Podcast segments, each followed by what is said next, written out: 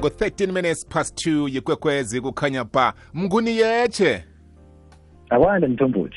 Uhlwile?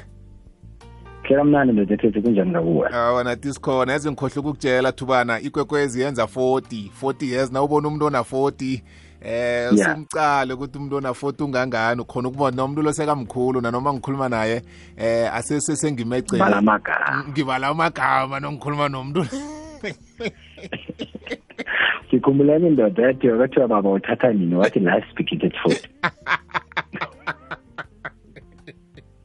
so ngayo amagama umuntu osana-40 kufanele kube sekalungiselela nokuthatha nayinje eh Ya, nge- ngokuya ngobaba lo utsho njalo uthi mhlawumbe-ke um nawuna-forty ke kamara yabona um singamhlathana umhatsho bomuntu ya. ngawo uyabhinga no ya ya ngodisemba ngodisemba ngayisimanje siyangena. Ufunelana nawe.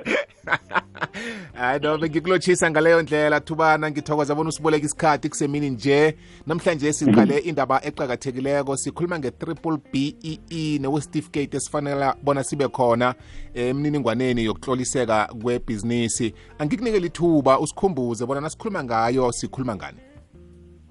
Ngiyathokoza mthombothi ithuba namhlanje ngilotshisa bonke abalaleli bakhona nanyana kukuphi lapho bakhonela ngelanamhlanje eh njengoba nasondlalile-ke nokho ndoda ekhethu eh namhlanje siza sikhulume nge-triple b e. E bonyana khuyini i-triple b e? Ngombana sibonile kaningi eh kuthiwa eh umuntu nangabe ikhampani yakhe eh irejistile namhlanje ikhampani yakhe sebujameni obuhle bonyana ngenza ibhizinisi eh kufanele afake leli document esibiza bona i-triple b e affidavit. Yes. Yeke-ke obuningi bethu asilazi idocument libonyana litsho ukuthini ukuba yini kumele ngilifake and nangilifaka walinesindo esingangani so bonyana mina ngakhona ukubonyana ngikhona ukuthola leyo business leyo. Mm. angithome la. Eh triple B E kutsho ukuthi bread eh, broad based black economic empowerment. Lokho ke kulihlelo namtjana kumthetho owenziwa mbuso ukukatelela eh lama company mhlambe ke amakhulu namtjana eh eh ama government departments bonyana anikele eh laba bantu namtjana lihlelo lokuhabisa eh uk- amachuguluko eh unikela laba bantu bebadinywe amathuba ngaphambilini. Mm. nasikhuluma ngabantu abadinge amathuba ngaphambilini mthombothi eh sikhuluma khulukhulu ngabantu abanzima. Yeah kodwana-ke asilungise-ke si- sikhalele sikhulume silungise. Nasikhuluma ngomuntu onzima ku-b e sikhuluma ngobani? Mm. nasikhuluma ngomuntu onzima ku-b e mthombothi sikhuluma nanyena kungubani? Eh ophila enarheni ye-south africa onomazisi wesewula afrika eh na- eh, eh, as long as angasimuntu omhlophe Mm. or angakhategorize ngomuntu omhlophe Mm. umuntu lo unzima singabala abantu abafana nama-indians singabala abantu abafana nama-colors nomunye umhlobo as long as lo muntu ane-citizenship esouth africa angasimhlophe umuntu loyo simbiza bonyana unzima yeah yeke-ke ngifuna ukuyicacisa ngombana umuntu wathi wabona wathi black people will be given priority automatically yena sekazibona utholile umsebenzi. Mm. so kufanele silungise lapho. Ngiyahlabela phambili-ke mthombothi i-triple b e ke mthombothi-ke onamtshana i-b e eh ngaphambi bonyana uthole umsebenzi-ke um khulukhulu zaye siyibone mhlawumbe emathendeni iyasebenza nangaphandle kwamathenda uyi-supply. Kodwana-ke asicale ngeliso lethenda um asithi thina ngaphambi bonyana kuyokhitshwa umsebenzi mhlawumbe wethenda kuyaqala kuyatshiwo lapha ethenda ukuthi sifuna umuntu ophethe i-level bani i-b e kuqala bonyana umsebenzi loyo ungangani ucalwa ngubani ngilo ukhiphawo asenze isibonelo ngombu- eh, ngombuso.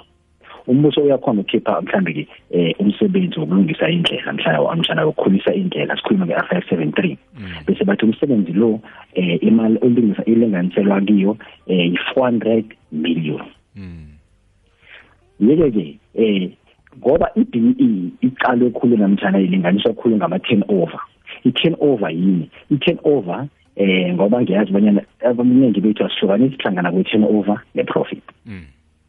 so ibhizinisi yakho ukuze sifuna ukuyithola ukuthi iwela ku-level bani lapha um kuma-BEC eh, levels kumele sazi bonyana yenza um i-turn over engangani ngonyaka Mm. yeke-ke yini i-turn over i-turn over ngile mali engena ebhizinisini Yeah. kungasi-profit Mm. le mali engena ebhizinisini angenze umzekelo Mm. eh umthombothi wenzele eh umasipala othileko umsebenzi ngekhampani yakhe umasipala wambhadala i-500,000 yangena ibhizinisi unyaka wonke umthombothi ube ne-five hundred thousand yinye kutsho bonyana ukuthini ingene i-five hundred thousand yinye kutsho bonyana um i-turn over yebhizinisi kamthombothi ngonyaka kube yimalini? I-five hundred thousand. So yeke ke khumbula-ke lapho usazophezu kwe-turn over leyo usazokhipha ezinye imali ama-expenses and konke lokho bese usande nani? Nge-profit kodwana-ke iye kodwana-ke um ama-level la acategorize ngani nge-turn over. Angenza umzekelo. Eh kunanasa i-level esibiza abanyana i-triple B i-level 1 leyo ke nje 100% black ownership. Kutsho bonyana eh wonke umuntu owenza i-affidavit ku-level 1 umuntu o-100% owner ibhizinisi yakhe nomthana noma ibhizinisi bababili babathathu bonke banzima. Automatically abantu abo basithi ba-exempted bawela ku-level 1 ngikho kubalulekile bonyana benze affidavit. Ngibonile abantu abaningi bayinyaza affidavit affidavit ye-BE namandla kakhulu ngombana ke uye exempted eh eh kuthi ukuthini lokho? Kuthi bonyana ke sikubiza bonyana uyi-EME i-EME kuthi ukuthini? Eh exempted micro enterprise. Kuthi bonyana ibhizinisi yakho ngonyaka yenza i-turnover engaphasi kwe-10 million. Lapho ke kwela khona umuntu ostartup umuntu osathomako umuntu phakathi naphakathi. Bonke abantu abamayini ma-EME then bese ke nangabe ngi-100% black ngithole nenza ini? I-affidavit. Then no apply ngayo i-affidavit ni-exempted umbuso uyanizwela abanye ningakhiphi enye imali nifuna ukufuna i-accreditation ukuthi nikhiphe i-BE certificate ngoba le BE certificate iyabhadalelwa. Then eh sibe ne ne QSE ama QSE ma qualifying small enterprise. Yilawo ke mabhizinisi enza i-10 over yabo ihlangana kwe-10 million eh ne-15 million ngonyaka.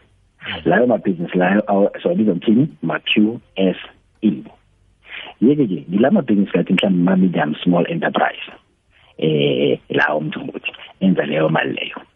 So kuyenza ke ubonyana ukuthi i-business eku eku eh QSE le yenza between 10 and 50 million eh ibe ne BE status esiku level 2 lokho kuthi ukuthini kuthi ukuthi abasi 100% block on but between eh, eh 99 and 51 percent. So akusiba abantu abanzima bonke labo bokuthola ubani? U level 2 khumbula ke u level 2 naye uyabhadalela awusasebenzisa affidavit eh ku level 2 nangabe turnover yakho itsho so. And then eh nangapha ownership i i ayinabantu abanzima kuphela. So niyokhamba lokufuna ini ama consultant accredited nefanas ngiwo ke khona abanyana anizele ama scorecard aniscorele bonyana nijame njani and then eh ilevel yenu ukubani eh bese bese ngike bazo bazo ne invoice ake bezokumele babhadaleke imali leyo nizwene ngayo. And then sibe nama generic enterprise mthombothi. Ama generic enterprise ke ngilama business ekamakhulu anama financial assets anama resources eh i turnover yabo isuka kuphi? Ku 50 million eh ukuyaphezulu yeah.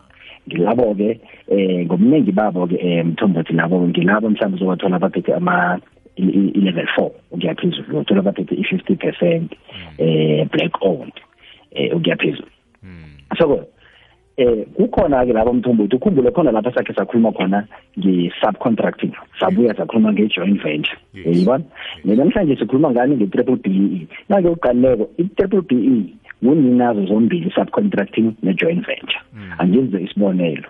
Kuyenzeka njengoba nasengitshilo kuthona kumsebenzi wokulungisa u-r five seven three uyi-four hundred million.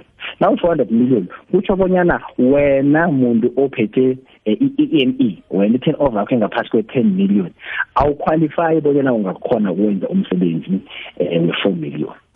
We-four hundred million. Ncangabi ngombana ke i-BE yakho yenzani ine experience nama financial assets nama resources afuneka ukudeliver lo yamsebenzi loyo awunawo. Yeke ke kilo msebenzi wena ungahlomula njani? Ungahlomula ngani? Nge-subcontracting.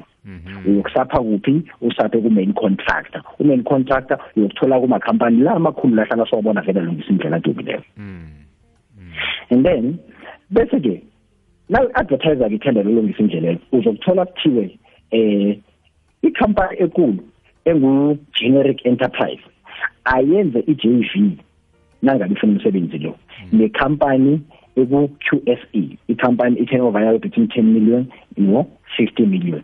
Namdele inikeze umsebenzi wokulungisa mtshana wokukhulisa indlela le. Lapho ke sokuthola ikhampani enkulu ehlala ilungisa indlela lena iventure nemasango enterprise. Yeah lesiyaziwe ekhaya. Masango enterprise nge-BEE le uhlomula ini mthombothi? Uyohlomula ukuthi eh uyothola experience yokwakha indlela njenge-business encane or medium. And then ahlomule eh i-IBB status sakhe uzokusuka kwenye level ukuya kwenye nangabe i-construction ukwenzela ukuthi naye in the future akhona ukuthola umsebenzi wemali enkulu le wabo 400 million njalo njalo. Yeke ke umnqopho we-BEE ukunikela amathuba nokukhulisa eh amabhizinisi amancane bonyana nawo athole amathuba. Ake siqale ke mthombothi angazi ngimtolo ake siqale mthombothi bonyana ya no ajike khona ngentolo thubani uqinisile ajike khona bese siyabuya sicale ngaphambi kobana siphelelwa sikhathi. Ulalele ikwekwezi fm emalateni 91.8 fm sibuyile sihlabela phambili sabembe yona indaba ye-triple bee ngikhambisana no-isaac wakwathubana. Thubana sihlabele phambili. Ngiyathokoza mthombothi. Bengisathi mina kuqalwa le company leni iya-comply ne-BEE eh kokuthoma ngizokuqala into sengiyishilo bonyana yi-ownership. Ownership yodwa kuthiwa la kunento nzima eh ungathola ama-point alinganisele ku-twenty-five points.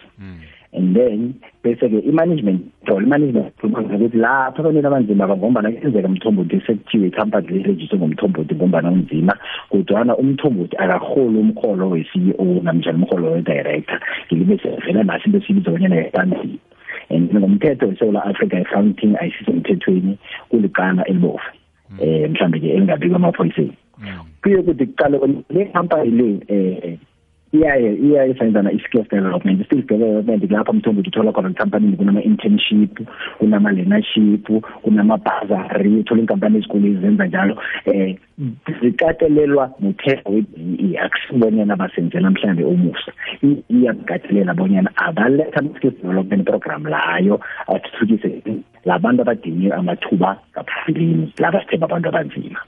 Bese ke qala uqala ne-enterprise and supplier development. Sikhuluma ngani ke lapho nangabe kuba compliant ne-BE mthombothi kuyaqala ebhizinisini nakho uthenga kubani. Asithi ke umthombothi unebhizinisi nasi-ke ufuna ukuthenga mhlambe um isamende.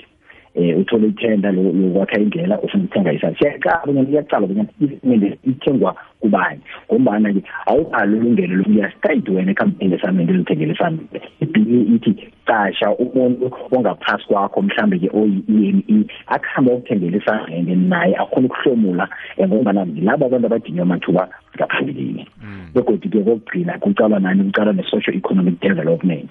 Sikhuluma ngani-ke lapho? Sikhuluma mhlawumbe ngento ezifana nama-donation eh ukunikela njalo ama-sponsorship into ezifana begodwana-ke kuqala nokuthi unikelela ukusponsora ubani fortune ngemali ekhampani yakho eh uyoyinikelela labantu bekuvele banikelwa amathuba ngaphambilini uyaqala bonyana unika unikele ubani. Wanikela laba abavele banikela amathuba ngaphambilini ama-point akwayele yeke-ke nge-social economic development bathola ama-point ayi-five. Eh ke-enterprise and supply development uyokuthola ama-point amasumi amane forty points let's ukuthi uthenge kuphi ngokusebenzisa ama-small businesses. Yeke-ke into engiza leli leli hlelo namhlanje ngone ama-small businesses anamathuba kodwana kakuhamba ayozikhangisa kuhle abantu bakhulume bavezele into ye-BE usho ukuthi thina mawucatha thina ukuthi sikwenzele lo msebenzi njani sikusapaya kaloku eh uyisisa nawe bonyana ukhone ukuthola ama-scores. Testwayo namtshana kungelwa i-triple BE ukuthi i-triple BE mthombothi sengibona isikhathi sesikhamba. Eh i-triple BE yokuhlungwa kunasha i-agency kuthiwa i-SANAS. i-SANAS ngiyo enikelwe igunya lokubonyana likhambise lenzile likhiphe nama-certificate na-accreditation yani i-triple BE eSouth Africa ngibuya ngakuni ngiyakholwa bona asikayiqedi thubana ngenxa yesikhathi siza kubuya kodwa siyikhibelele. Nomlaleli ayaphela abuye ngakithi athi eh ken buyekeze ikulumo elikhe nayithinda sizakubona ukuthi bathini ngaleli hlelo esibe nalo namhlanje. Basakuthola kuthubana at-gmail yes ngikhona apha ku-isaac thubane at gmail. Com instagram isaac thubane nakutwitter. Iye mthombothi um njengatsho ngathi udle yona eh vele bantu sabaconfusa eh lento ye-BE ngicabanga ukuthi mhlambe kodwa nange ba banga bangakhona la bangakuzwa bangake khona. Mhlambe bathi bafuna siphinde iphi emikhulu ngombana ivile yona so bengibazama ukubamba konke ngilethe umlaleli bonyana azwisise bonyana sikhuluma ngento enkulu kangani nasikhuluma nge-BE nasikhuluma nge-affidavit sikhuluma ngento namandla kangangani. Onamhlanje ngithokozile ithuba. Thokoze thina thubana sabuya sibuyekeze khona. Rawubona kumnyama khulu kuzokuvela umkhanyo.